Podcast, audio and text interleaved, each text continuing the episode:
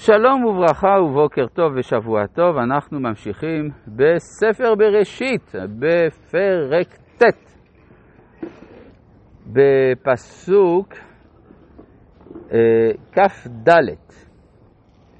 ויקץ נוח מיינו, וידע את אשר עשה לו בנו הקטן. אז אם אנחנו רואים מקבילה בין מה שקורה כאן לבין חטא אדם הראשון, אז כשם שאחרי חטא אדם הראשון יש קללה, גם פה יש קללה. כן?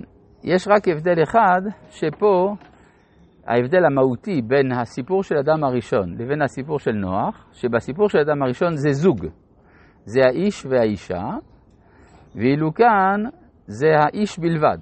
אין סיפור, לפחות לא גלוי, מה קרה לאשתו של נוח. אז מכאן יש יסוד לדברי חז"ל, שכוונתו של כנען או של חם הייתה למנוע מאביו לפרוט ולרבות.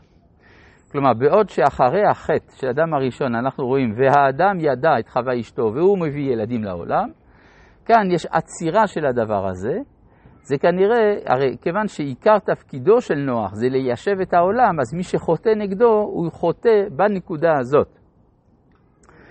וזה רק רמוז, אבל זה די מסתבר. ויאמר, ארור כנען, עבד עבדים יהיה לאחיו. הפסוק הזה הוא קשה מבחינה טבעית אפילו, לא מבחינה מוסרית, מבחינה טבעית. אדם לא מקלל את הילדים שלו. ופתאום הוא מקלל חלק עצום של האנושות. אלא חייבים לומר שמה שכתוב כאן ארור זה לא קללה, זה תיאור מציאות. המציאות היא שארור כנען. אז איך נפתור את הבעיה? יש מישהו ארור. באיזה מובן? הוא עבד ליצרו. כיוון שהוא עבד ליצרו, צריך לעזור לו. איך יהיה?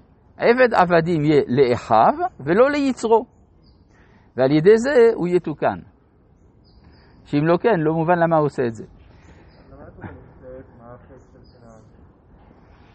למה התורה לא מתארת את החטא של כנען? כמו שגם התורה לא מתארת את החטא של אדם הראשון, לא ברור בדיוק מה קרה שם. כן? או כמו שהתורה לא מתארת בדיוק מה קרה במגדל בבל. אני אגיד לך למה. כי התורה מניחה, זה צריך להבין מיהו הקורא של התורה. קורא התורה כבר יודע את הסיפורים האלה. הרי זה סיפורים שהתהלכו באומה. ולכן כל מה שהתורה מוסיפה זה מה שאנחנו לא יודעים. מה התוצאה המוסרית של זה וכדומה. אבל עצם המעשה, יש הרבה פעמים, למשל התורה אומרת שהרן הוא אבי מילכה ואבי יסקה. הקורא אמור לדעת מי זאת עסקה. כן? כלומר, בזמן שהתורה ניתנה, כולם ידעו מי היא עסקה. רק שהתורה מספרת לנו שהרן הוא אבי מלכה ואבי עסקה. כן? אז זה פחות או יותר ההסבר, ה... הייתי אומר, ההיסטורי של הדבר הזה. כן. גם ארור לאדם, גם לנחש, וגם יש קללות הרבה בדברים שגם כתוב ארור. אז זה גם שמה ציור מציאות? לא. שמה זה קללה ממש. מתי זה קללה, מתי זה תיאור מציאות? מסברה. כן, גם זה בכל זאת, זה חלק מהחוכמה האנושית, הסברה. אפשר להשתמש בזה גם לפעמים. כן. עכשיו, דבר נוסף, חז"ל באמת אומרים במדרשים שנוח חשב על העבדות כבר בתיבה. כלומר, כבר בתיבה נוח, כשהוא חושב כיצד בונים את העולם שעתיד להיות, מתחיל לחשוב גם על העבדות. כלומר, הוא מבין שיהיו כמה דברים. א', שיהיו אנשים שבאופן טבעי יהיו משועבדים אחד לשני, כמו העובד והמעביד. דבר נוסף, הוא גם מודע לזה שיש הבדלים של רמות מוסריות בין בני אדם. אז הפתרון שהוא מצא לשעתו, שהתאים בהחלט לעולם העתיק, היה העבדות. היום יש גם עבדות, אבל היא לא נקראת בצורה הזאת וגם היא לא, מבחינה משפטית לא מופיעה בצורה הזאת. אבל תמיד שיעבודים יש, אז לכן, למרות שאצלנו העבדות מגונה מאוד, אבל צריך להבין לפי נתוני העולם העתיק, שייתכן שאז זה היה הצורה הטבעית של הסדרת מערכת היחסים בין בני אדם. אלא שהיא נפלה אחר כך לאכזריות נוראה. כיוון שהיא נפלה לאכזריות, אז האנושות וההשגחה ביטלו את העבדות מן העולם. ויאמר ברוך השם אלוהי השם, ויהי כנען עבד למו. מי זה למו? למי? אפשר להגיד ליפת ושם, אבל זה לא מה שכתוב. ברוך השם אלוהי שם, ויהי כנען עבד למו. לא כתוב שגם יפת בפנים. ולמו זה לשון רבים. אז צריך להגיד עבד לא. אני חושב שהכוונה לרמוז כאן למשהו נוסף. למו זה לשם ולקדו, ולשם. השם ישכון בעולה שם, ויהי חנן עבד לשניהם, לשם ולשם.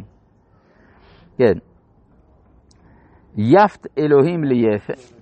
מה? הוא, הוא ילמד אצל שם להיות עבד השם. כלומר, הוא עובר שיקום. במקום להיות עבד ליצרו, הוא יהיה עבד לשם. אגב, אחד מצאצאי חם, ששמו היה פרעה, הבין את זה. כשהוא שחרר את בני ישראל, אומר להם, וברכתם גם אותי. לכו עבדו את השם, וברכתם גם אותי. כן. יפת אלוהים ליפת, וישכון באו לשם, ויהי כנען עבד למו. מה זה יפת? רגילים להסביר מלשון להרחיב, ככה רש"י מביא על פי הארמית. בארמית יפת זה הרחבה. כן, אז אה, באמת אנחנו, אבל בדרך כלל יפת זה מלשון יופי גם כן. אבל היופי והרוחב זה אותו הדבר בעצם. מה שמתפש... כלומר, מה שרחב ולא פנימי זה היפה שהוא בחוץ. הולך ביחד. זאת אומרת ש... אה, אבל הוא לא יכול להסתדר לבדו וישכון באו לשם. מי זה, אה, מי זה ששוכן באו לשם? אפשר להגיד שזה אלוהים, אפשר להגיד שזה יפת. אם זה אלוהים, אז הוא שוכן. אם זה יפת, אז הוא שכן. כן, כמו שהרב צודה היה רגיל לומר, שיפת הוא השכן של שם. אז הוא לידו. ויחנה נבד למו. עכשיו שימו לב גם להבדל בין פסוק כ"ו לפסוק כ"ז, שבפסוק כ"ו זה שם הוויה, ברוך השם אלוהי שם, ואילו בפסוק כ"ז זה אלוהים, יפת אלוהים ליפת. אופייני להבחנה התרבותית בין תרבות שהיא יודעת את השם, לבין תרבות שאיננה יודעת מה שמו של הבורא, אלא נותן לו שם כללי, אדון, אלוהים. אלוהים זה שם שנאמר גם על בני אדם, יש בני אדם שנקראים בשם הזה. זאת אומרת שיש תרבות שמתפשטת, אבל אין לה ידיעה של כוונת הבורא.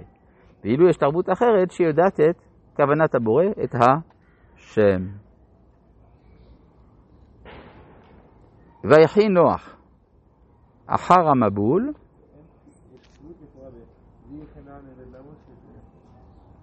מה השאלה?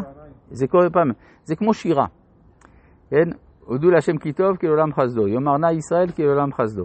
אז כנראה שזה היה שיר גם, שהיה מקובל. ויהי כנען נבד למו, כלומר, היו מלמדים את זה בתלמודי תורה של, אה, של מגדל בבל וכולי, שם, זה היה השיר שהיו לומדים. אה, אה, ויחי נוח אחר המבול שלוש מאות שנה וחמישים שנה, אז לפי מה שלמדנו יוצא שהוא חי 951 שנה, והרי יש פה סתירה שהרי כתוב לאחר מכן, ויהי כל ימי נוח 900 שנה וחמישים שנה וימות, ואז אמרנו שבאמת שנת המבול לא הייתה שנה. ואז לפי זה באמת הוא חי 950 שנה, והשאלה גם איך לספור את שנות היצירה לפי זה, באמת יש בזה שיטות אצל הראשונים, אצל המפרשים, כיצד לספור את שנות היצירה. אז כאן בעצם מסתיים הסיפור של המבול, השאלה היא מה התולדות של הסיפור הזה.